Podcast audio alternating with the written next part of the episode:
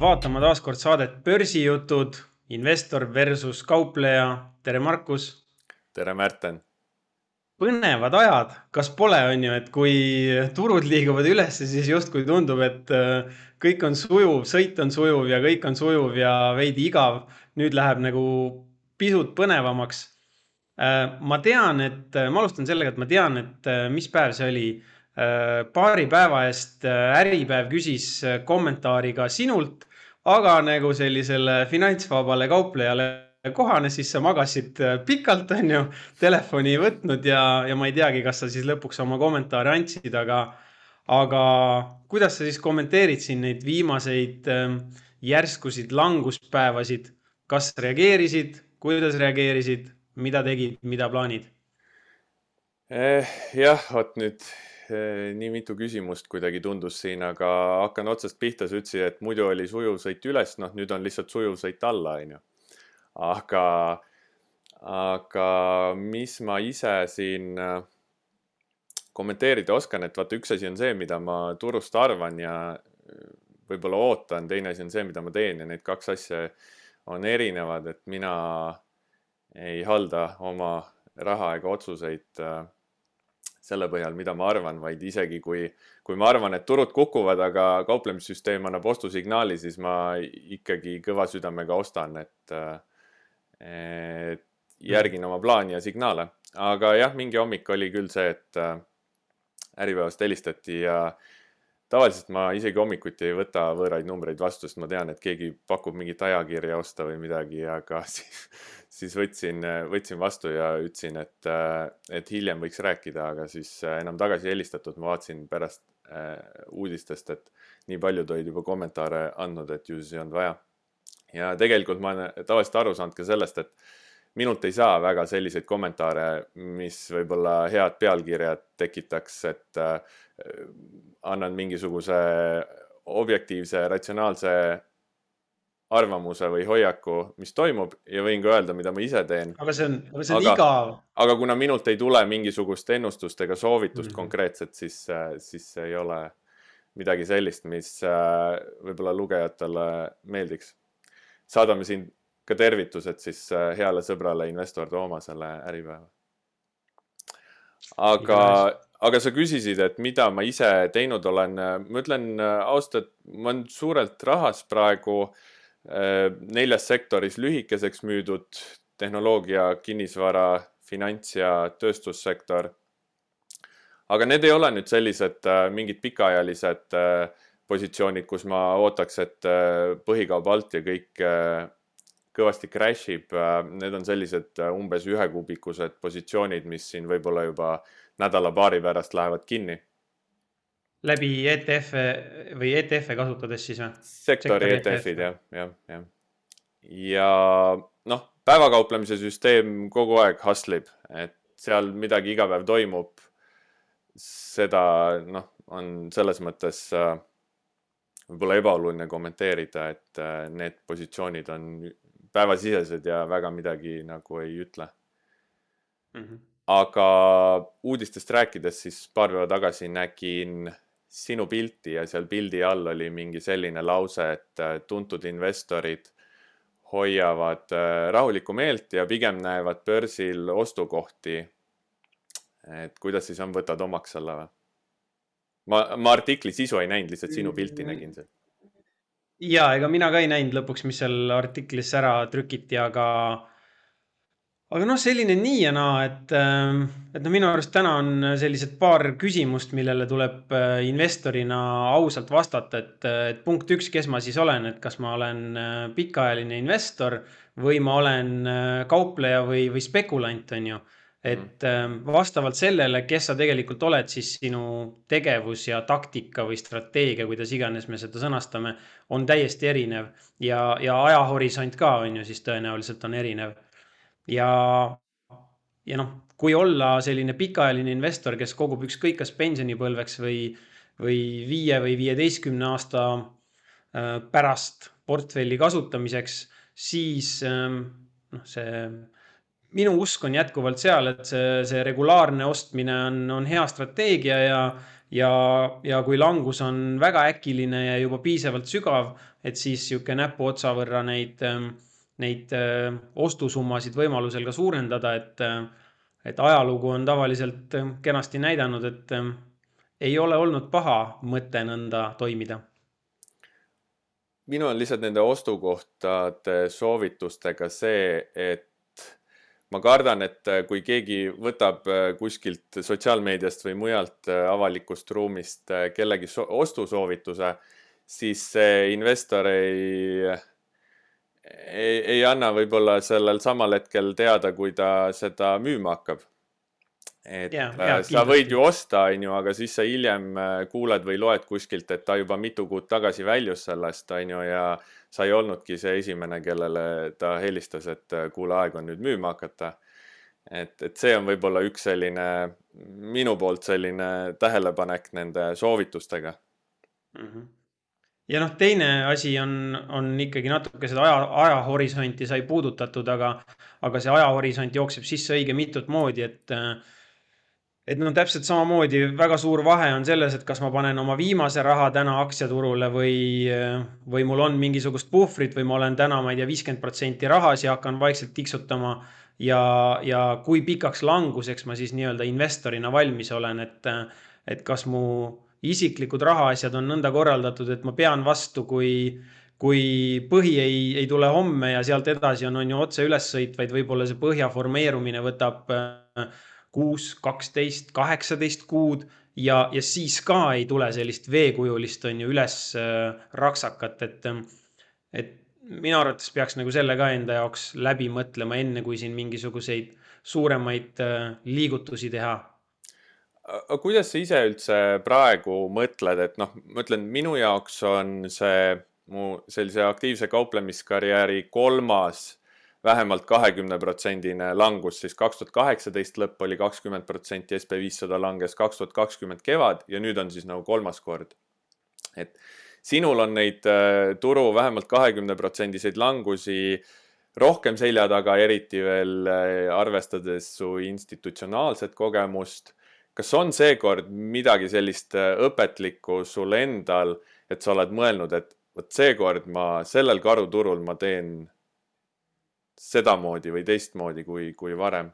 on sul mõni selline? päris hea küsimus, aga no otseselt vist ei ole, et, et järjest rohkem on süvenenud see veendumus, et, et kui ongi siis see nüüd need, nagu tõsine karuturg ja, ja langusfaas, et siis pigem esimeses järjekorras osta tugevaid ettevõtteid ja neid, mis on juba portfellis olemas, kui me räägime üksikaktsiate valimisest. et mitte nagu võtta mingeid selliseid spekulatiivseid asju, mis on justkui protsentuaalselt väga palju langenud ja tunduvad atraktiivsed. et pigem võtta asju, mis on vähem langenud ja, ja on need niinimetatud blue chip'id või, või, või kuidagi nagu ekstra head ja suurepärased ettevõtted.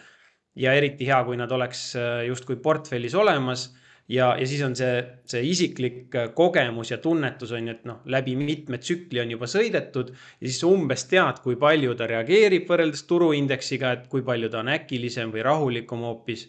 et ma arvan, et see on see suur õppetund, mida ma kaks tuhat kakskümmend kevadel nii-öelda üritasin omale pähe taguda ja, ja mida ma seekord ka tahaks nagu hoida.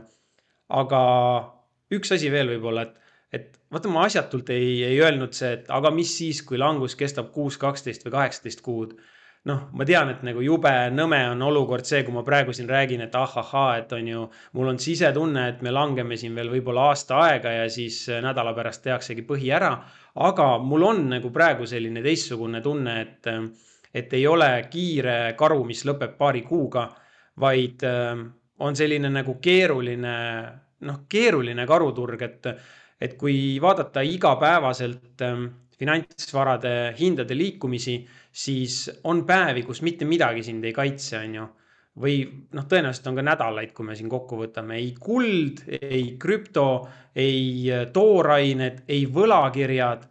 et äh, see on ikkagi selline päris omalaadne aeg nagu makromajanduse mõttes ja, ja finantsturgude mõttes ka sa päris äh, mitmes kohas praegu puudutasid seda ostukoha ja ostmise teemat, aga kas sa müüd ka midagi, kas sa üldse midagi müüd, kas sa, ma ei tea, krüptot või, või mingeid kasvuettevõtteid mingi hetk ikkagi, kui neil ei teki mingit taastumislootust?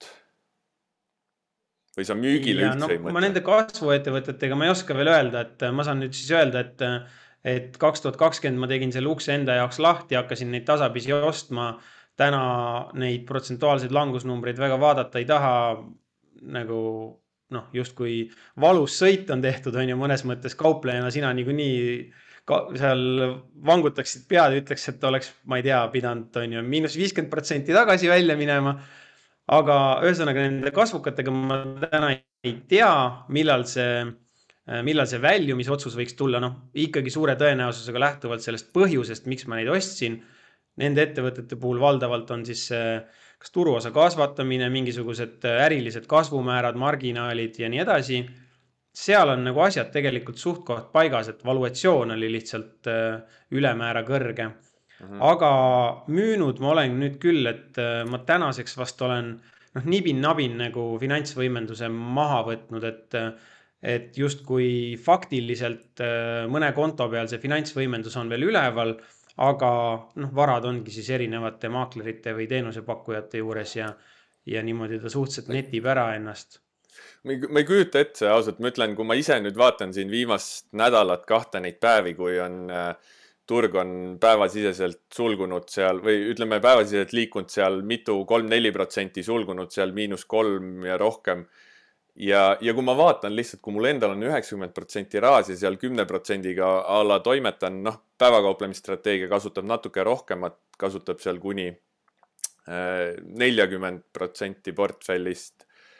aga ma ise vaatan lihtsalt, kui volatiilne portfell on juba selle kümne protsendiga ja ma mõtlen, et äh, kui ma oleks äh, täielikult investeeritud, siis äh, ma ei kujuta ette, magada ei saaks öösiti, äh, istuks laua all, äh, põlved kõhu all ja hoiaks jalgade ümbert kinni ja mõtleks, mis saab. kuidas nagu kogu, kogu portfelliga, kuidas sa seda volatiilsust siis nagu psühholoogiliselt äh, haldad?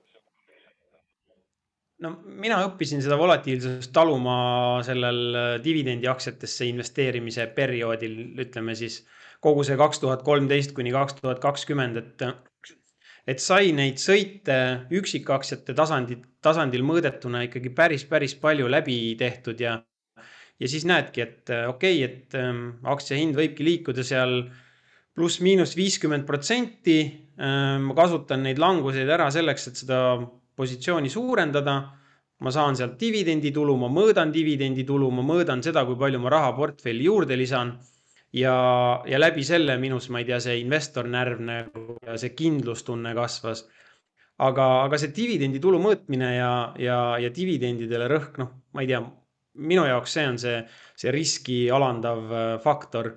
ja, ja võib-olla sellepärast ma täna hästi mugavalt tunnengi ennast ka ennekõike just neid, äh, neid dividendiaktsiaid äh, watchlist'is hoides, noh, kuigi tegelikult seal kasvukates kuidagi võimalusi võib-olla järgmiste kuude, kvartalite jooksul, et aga noh, eks näis mm,. okei okay., sest noh, minu maailmas on ikkagi oluline see kahjumite piiramine ja keegi kaupleja kuskil just, just kirjutas, et kui, kui eelmine aasta oli aeg raha teenida, siis praegu on aeg vähem kaotada kui teised, et lihtsalt kui ma mõtlen selle peale, siis äh, ütleme, turg kukub viiskümmend protsenti näiteks, sul on äh, vaja sama kapitaliga sada protsenti tootlust, et tulla tagasi nulli, kus sa enne olid. aga kukub portfell kakskümmend protsenti, sul on vaja kakskümmend viis protsenti, on ju, tootlust sellesama mm. kapitaliga, et äh, et see minu jaoks on just see üks oluline osa, kust see tootlus tuleb. mitte ilmtingimata selle, sealt, et äh, pulliturul hullult indeksit ületaks, vaid äh, suuresti ka see sealt, et karuturul kõike seda tagasi ei annaks, mis sa pulliturul teenisid.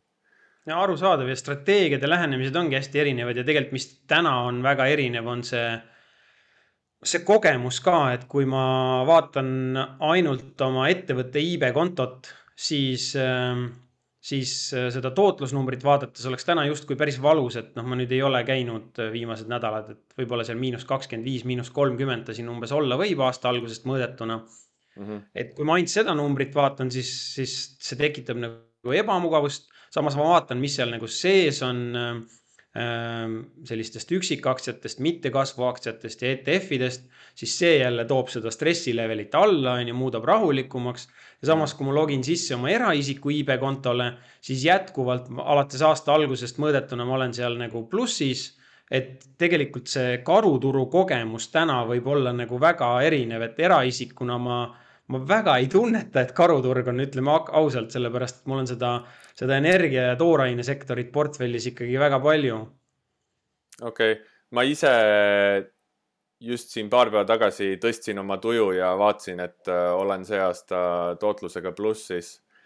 ja kuidas ma siis äh, väänasin ja manipuleerisin, et selleni jõuda, oli see, et ma lihtsalt tahtsin näha, et äh, kuidas on mu selle aasta tehingutel läinud kui ma ei võta arvesse eelmise aasta tehinguid, neid äh, mm. pikaajalisi trendipositsioone, mis jaanuaris andsid äh, äh, lahtist kasumit tagasi ja tõmbasid nagu selle aasta tootlust alla, kuigi olid individuaalselt head tehingud, onju. et mm, -hmm. et kui ma neid eelmise aasta tehinguid sisse ei arvestanud ja vaatasin, et äh, kõik need tehingud, treidid, mis ma olen see aasta teinud, see aasta avanud, siis äh, numbrid tulid sellised, et mul on see aasta olnud kolmsada kuuskümmend neli tehingut. Ja, ja see number, kuidas? päris palju. see number on äh, eelnevate aastatega suurem just tän, võrreldes suurem tänu day trade'i strateegiale mm., päevakauplemisstrateegiale, mida varem ei olnud. ja, ja kui ma võtsin siis ainult äh, ainult selle aasta tehingud, siis oli dollaris olin miinus neli protsenti drawdown'is ja eurodes pluss viis protsenti plussis. Nii et siis ma sain nagu oma tuju tõsta, et äh, tegelikult on eurodes piisavalt raha teenitud äh, see aasta, et äh, vast kõht tühjaks ei jää. No pluss tegelikult ka see, see on ju väga oluline järeldus enda jaoks teha, et, et karuturul või noh, ütleme, et see karuturg algas nagu nüüd justkui, aga ütleme, et siis langeval turul avatud positsioonid ja rakendatud strateegia tegelikult on jõudnud juba või viinud positiivse tulemini, mis on ju väga hea tõdemus. jah, ja ega nagu ka siin aasta lõpu saates äh, ütlesin, mäletan, et ega tegelikult äh, sellise automatiseeritud kvantitatiivse kauplemise puhul, ega mina ei äh, ja seda enam, et me keegi ei saa turgu kontrollida, et, et see tootlus tuleb nagu tuleb. mina olen oma süsteemi paika pannud, reeglid, strateegiad ja niikaua, kuni ma nendest kinni pean ja mingeid reegleid ei riku, siis niikaua ma olen enda poolt kõik õigesti teinud. et, äh, et see tootlus on, on lihtsalt see tulemus ja tagajärg ja, ja ega tegelikult kõik need drawdown'id äh, on backtest ides olemas. Neid, neid saan sealt vaadata lihtsalt mm -hmm. vahe on selles, et, et kui sa vaatad kümne või kahekümne aasta pikkust backtest'i, sa vaatad seal, oh, mis vahepeal kümme, kakskümmend, kakskümmend viis protsenti. sa ei pane seda samamoodi tähele, kui sa näed, kuidas see taastus. Equity curve on ilus, sujuv ülespoole kokkuvõttes ja kokkuvõttes näed, kuidas sa kümne-kahekümne aastaga kõik need miljonid kokku ajasid, onju. aga siis, kui sa see hetk laivis oled päriselt seal drawdown'is, noh siis see ei ole sama, mis mingit pikaajalist äh, equity kõverat vaadata, ma arvan, see on sama nagu SB viiesaja pikaajalist graafikut vaadata, et jube lihtne on vaadata, kuidas nendest karuturgudest yeah. sai läbi tuldud ja, ja graafiku paremas ääres ollakse äh, üleval paremal, on ju, aga, aga see hetk olla seal karuturul on midagi muud kui lihtsalt paberilt seda tagantjärgi mm. vaadata. ja ma korra tulen ringiga tagasi selle ostmise ja, ja, ja natuke neid õppetunde ja on ju seda tunnetust ka, et et ma ei oska nagu näpuga näidata, et mis see asi nüüd siis konkreetselt olla võiks, aga, aga millegipärast ma nagu tunnen, et, et see, ma ei oska öelda, kui sügavale see langus meid viib, meid viib, aga, aga millegipärast mul on tunne, et nagu tuleb nagu raske aeg, et, et võib-olla pool aastat või poolteist aastat, et ükskõik, kas see on siis selline hästi suures range'is mingi choppy asi või langus või et, või et lihtsalt tõusu ei tule. et ühesõnaga selline millegipärast on sisetunne, et tuleb selline pikk karuturg. Ja, ja kui ma, kui ma loen ka siin mõningaid kommentaare, et see ei ole nüüd kuidagi ühe konkreetse kommentaari pealt äh, jagatud jutt, aga, aga no natuke mingeid pealkirju vaadates, et et seesama nii-öelda see imelik väljend, et veri tänavatel, et siis osta, on ju, ja, ja mul on tunne, et paljud ähm, ähm, värskemalt alustanud investorid mõtlevad ja tõlgendavad seda kas nagu sõna otseses mõttes või siis teistpidi nad vaatavad seda hinnalangusprotsenti ja võib-olla siis neid äh, suuri languspäevi ka, et oh, et nüüd on nagu mingi makshirm ja, ja tugev langus. aga tegelikult mu enda selline tunnetus ja, ja, ja mõistmine selle lause osas on tegelikult hoopis see, et, et, et see tähendab olukorda, kus ei ole ei riskiisu ega ei ole ka raha. et inimestel lihtsalt ei ole soovi enam investeerida ükskõik, kas börsil noteeritud aktsiatesse, kusagil Funderbeamis, äh, eraettevõtjatena, et sul lihtsalt ei ole seda nähtavust, sul ei ole seda isu riski võtta ja punkt kaks, sul ei ole raha. lihtsalt ei ole raha, et investeerida ja veel hullem, sul ei ole enam ka laenuvõimekust, et investeerida. Ja, ja sellist karuturgu me ei ole nüüd selline kaksteist, kolmteist aastat näinud ja, ja mingi osa siin kuklas taga ütleb, et, et nüüd seekord võiks olla siis selline kogemus meid ees ootamas, et, et tulebki see raha nappus üle tüki aja või, või siis riskiisu nappus. mis sa ise sellest jutust arvad? jah, üks asi see, et intressimäärasid tõstetakse ja raha läheb nii-öelda kallimaks noh, kui üleüldse majanduses äh, tulevad raskemad ajad, tuleb majanduslangus, siis inimesi koondatakse, firmast läheb pankrotti, töökohtade kaotused. et noh, eks see kõik teeb selle aja raskemaks. Äh, mina näen ise lihtsalt seda, et on vaja likviidsust hoida, aga noh, see on see minu see kaupleja mõtteviis nagunii, et mul on põhimõtteliselt kogu portfell kogu aeg äh, selles mõttes likviidne, et ta mul ülisuurelt kaubeldavates ülilikviidsetes suurtes äh, aktsiates, mis ettevõtetes, mille ma põhimõtteliselt võin kohe kõik päevapealt rahaks teha, kui vaja. ja noh, mitte et ma teeks selliseid all in, all out käike börsil, aga ikkagi mul see raha pöörleb pidevalt aktsiatest aktsiatesse ehk ma tegelikult näen seda raha pidevalt ka kontol. Ja, ja minu jaoks on kuidagi oluline see likviidsus. et äh, ma ei, võib-olla ma ei pea ka nii väga seda rahapuhvrit sellepärast hoidma äh, selja taga elamiseks, et noh, mul on see, seda raha aktsiakontodel piisavalt, ma olen lihtsalt hajutanud seda riski, et ma ei hoia kõiki ühe maakleri juures ja olen siin korra mõelnud ka seda, et mis hetk on see või mis peaks juhtuma, et ma hakkaks IB-st äh, saja kilo kaupa erinevatesse pankadesse tagasi kandma, kus see hoiuse garantii kehtib.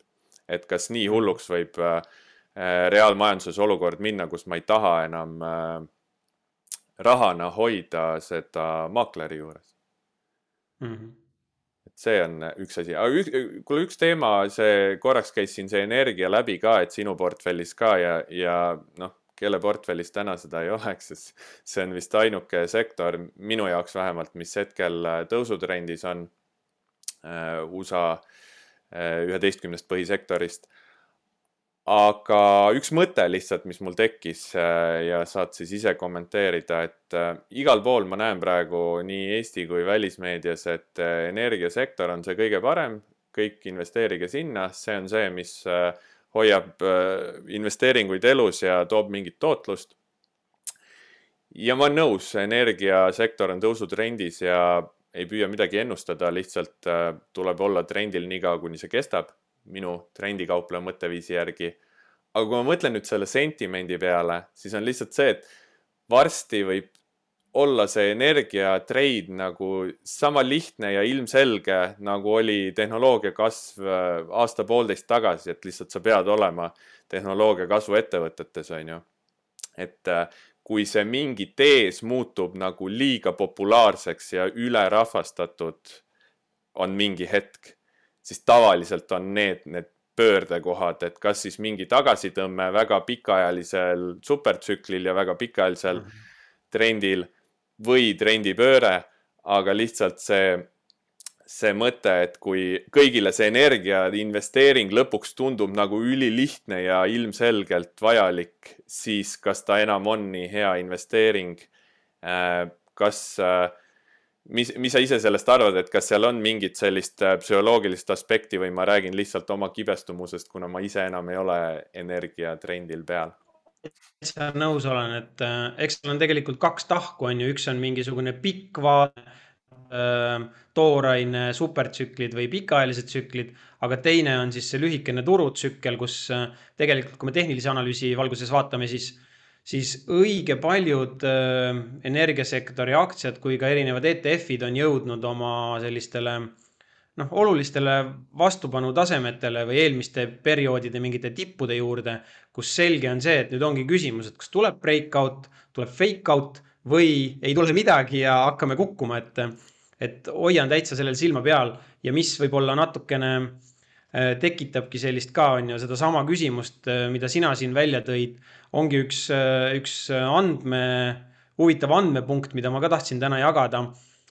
mai lõpus selline indeks ja ka ETF nagu MSCI USA Momentum indeksis toimus viimane rebalansseerimine sektorite vahel ja, ja pilt on päris huvitav, et kui veel mai keskel oli seal Momentum indeksis ja Momentum ETF-ides, sa võid, on ju, kolm korda arvata, et kui aastas korra rebalansseeritakse, mis veel mai keskel oli suurima osakaaluga sektor, noh, IT kolmkümmend üks protsenti, number kaks, kakskümmend viis protsenti oli financials ehk finantssektor, siis pärast seda mai lõpu rebalansseerimist äh, läks meil kõige kõrgema osakaaluga äh, Ähm, sektoriks ähm, tervishoid kolmeteistkümne pealt kolmekümne peale, energia seitsme pealt kahekümne ühe peale ja mis siin veel tugevalt tõusis, oli consumer staples ehk siis esmatarbekaubad.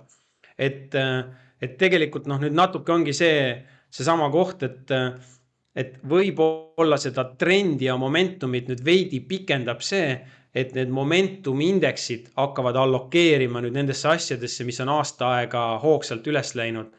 et äh, momentumit mõõdetakse ju noh, erineva pikkusega, mõni vaatab siin kuute kuud, mõni kahteteist kuud, et võib-olla selles valguses äkki seda sõiduruumi veel on, aga noh, mine tea, on ju mm. -hmm. ma, see meenutab mulle, ma nägin Twitteris ühte graafikut, mida ise ka seal jagasin, kus oli see sektorite osakaalu muutus SB viiesaja indeksis ja seal oli siis eh, tehnoloogia ja energiasektorid just toodud, et kui väike oli veel mõned kuud tagasi energia ja kui palju tehnoloogias mm -hmm. ja nüüd nagu see rotatsioon on al alanud aga noh, selle graafiku järgi ma vaatasin ise ka, et tegelikult veel võib ruumi olla sellele rotatsioonile jätkuda, sest see energia võrreldes tehnoloogiaga äh, oli veel ikkagi üsna madal osakaal SB viiesaja indeksis, kuigi see ja. tehnoloogia. mul endal, mul endal võib-olla, jah, räägi. ei, ma mõtlesin lihtsalt seda, et see tehnoloogia äh, sektor on, äh, see sisu on äh, tihti üsna subjektiivne, et kes mida tehnoloogiaks peab, et äh, minu liigituse järgi näiteks Meta ja Google on kommunikatsioonisektoris, mitte tehnoloogia. Amazon on seal kuskil retaili all ja, ja Tesla on hoopis kuskil mujal, et, et oleneb, mis sa sinna, noh, eriti just kui siin sa arvestad nagu market cap weighted et, et mis sa sinna äh, tehnoloogia alla võtad, et kui sa selliseid suuri ei võta nagu Tesla, Amazon, Google või Meta, et siis see tehnoloogiasektor on kohe market cap'ilt äh, palju väiksem, kui et sa võtad selliseid ettevõtteid mm -hmm. sinna, et noh, kuidas keegi arvestab, et, et mina vaatan seda selle, selle, ma ei teagi, kas see on Dow Jonesi või, või kelle tehtud see liigitus on. aga, aga minu liigituses on jah, need kõik, kõik need mis tunduvad big tech'i ettevõtted ei ole tegelikult tehnoloogiasektoris. ja, ja. sul oli mingi mõte veel? seitseteist, kaheksateist millalgi, kui see ümberkategoriseerimine käis. ja, ja see kommunikatsioon nii osa vist jah, tehti juurde. sellest sektorist avalikult nagu palju rääkinud, need asjad on mul portfellis olemas, aga, aga kui ma vaatan järgmised neli või seitse aastat ette, et siis tegelikult äh, on natukene sihuke teistsugune valdkond, millesse ma ise usun ja, ja kus ma positsioone tasapisi üles ehitan ja mis, mis ma siis, kõlab võib-olla naljakalt, on ju, aga noh, et nagu loodan, et hoiab mõnes mõttes siis portfelli siin vee peal, aga, aga see on puhtalt selle virtuaalse investeerimisklubi ehk Miljoni klubi teema, et et kõik need, kes on, on seal Miljoni klubi liikmed, et nendega ma siis jagan oma mõtteid juba detailsemalt, on ju, konkreetsete ETF-ide ja ja üksikaktsiate valguses ka. et okay. natuke selline isekas sutsakas siia sisse. okei okay,, aga räägi siis juba sellest ka, et ma märkasin, et sa oled siin investeerimise kõrvalt hakanud äh, raamatupidamisega tegelema. mis teema see on? mina ise raamatupidamisega ei tegele, kuigi jah, ma ülikoolis minu üks eriala, mille ma Tartus lõpetasin, oli majandusarvestus, siis äh, sai lihtsalt seljad kokku pandud äh, kogenud raamatupidajatega ja, ja loodud selline siis Eesti esimene investeeringute raamatupidamisele keskendunud äh, ettevõte, kus äh, seda investeerimiskompetentsi saan siis mina omalt poolt lauale tuua ja raamatupidamiskompetentsi toovad need raamatupidamistaustaga inimesed ja, ja siis saabki kokku selline selline suurepärane teenustoode, kus, äh, kus me saame siis nendele Eesti investorite muredele lahenduse leida, kes on värskelt võib-olla omale investeerimiseks ettevõtte avanud või siis, või loonud või siis juba oma olemasoleva aktiivse majandustegevusega ettevõtte alt on hakanud investeerima, et et aastate jooksul päris palju olen saanud ikkagi neid küsimusi, et äh, mu raamatupidaja ei tea, kuidas asju kajastada, ei oska lugeda äh, neid äh, investeeringute raporteid või, või maaklerplatvormide raporteid, ei tea üldse, mida otsida ja nii edasi, on ju, et et täitsa sellise reaalse vajaduse pealt äh, tekkinud äh, mõte ja, ja ettevõte mm,. okei okay,, väga hea, hustle käib, väga hea, ettevõtlus yeah.. vend teeb käed-jalad tööd täis, meeldib. täpselt, täpselt. kuule, aga üks tähelepanek veel või kõigepealt ma küsin sinu käest, et ähm, ähm, mis on üldse täna need äh, võib-olla mingisugused indeksid või indeksite tasemed, mida sa ise ka jälgid või sa ise, no ma, ma tean, et natukene sa ikkagi vaatad neid toetusse ja vastupanu tasemeid mm, -hmm. et, et ähm, mis indeksid või turud on sinu arvates täna siis huvitavas kohas või, või mis on need kriitilised tasemed kusagil, mida sa jälgid äh,? jah, võib-olla, et neid mu iganädalases uudiskirjas näinud ka, et peast nüüd ütlen, et mul seda ees ei ole, aga kui ma vaatan pikaajalist SB viiesaja indeksit ja noh, ma vaatan põhiliselt SB viiesaja indeksit, ma neid teisi üleliia palju ei analüüsi. sest põhiliselt seda USA turgu ja SB viitesadat äh, kauplen ja kõik, mis seal sees on. siis äh, üks tase, mida praegu vaatan, mis võib-olla veel siin kuu-paar tundus nagu kaugel, aga nüüd on ainult lähemale tulnud, on see pandeemiaeelne tipp seal kolme tuhande neljasaja juures. Ja noh, seda peaks võtma vahemikuna siis pigem seal kolm tuhat nelisada, kolm tuhat viissada vahemik, mis võiks olla üks selline pikaajaline toetustase, kus see äkki praegune müügisurve raugeb, kui ei lähe päris paaniliseks, sest äh, keegi just Twitteris küsis, et või kirjutas, et äh, meedia küsib sellist küsimust, et kas me oleme juba näinud äh, paanilist kapituleerumist turult ja üldjuhul tema arvamus oli suhteliselt selline äh, loogiline, et, et kui seda peab niimoodi küsima, siis järelikult ei ole, et kui me näeme paanilist kapituleerumist, siis me ei pea enam küsima, kas seda on, kes seda on juhtunud.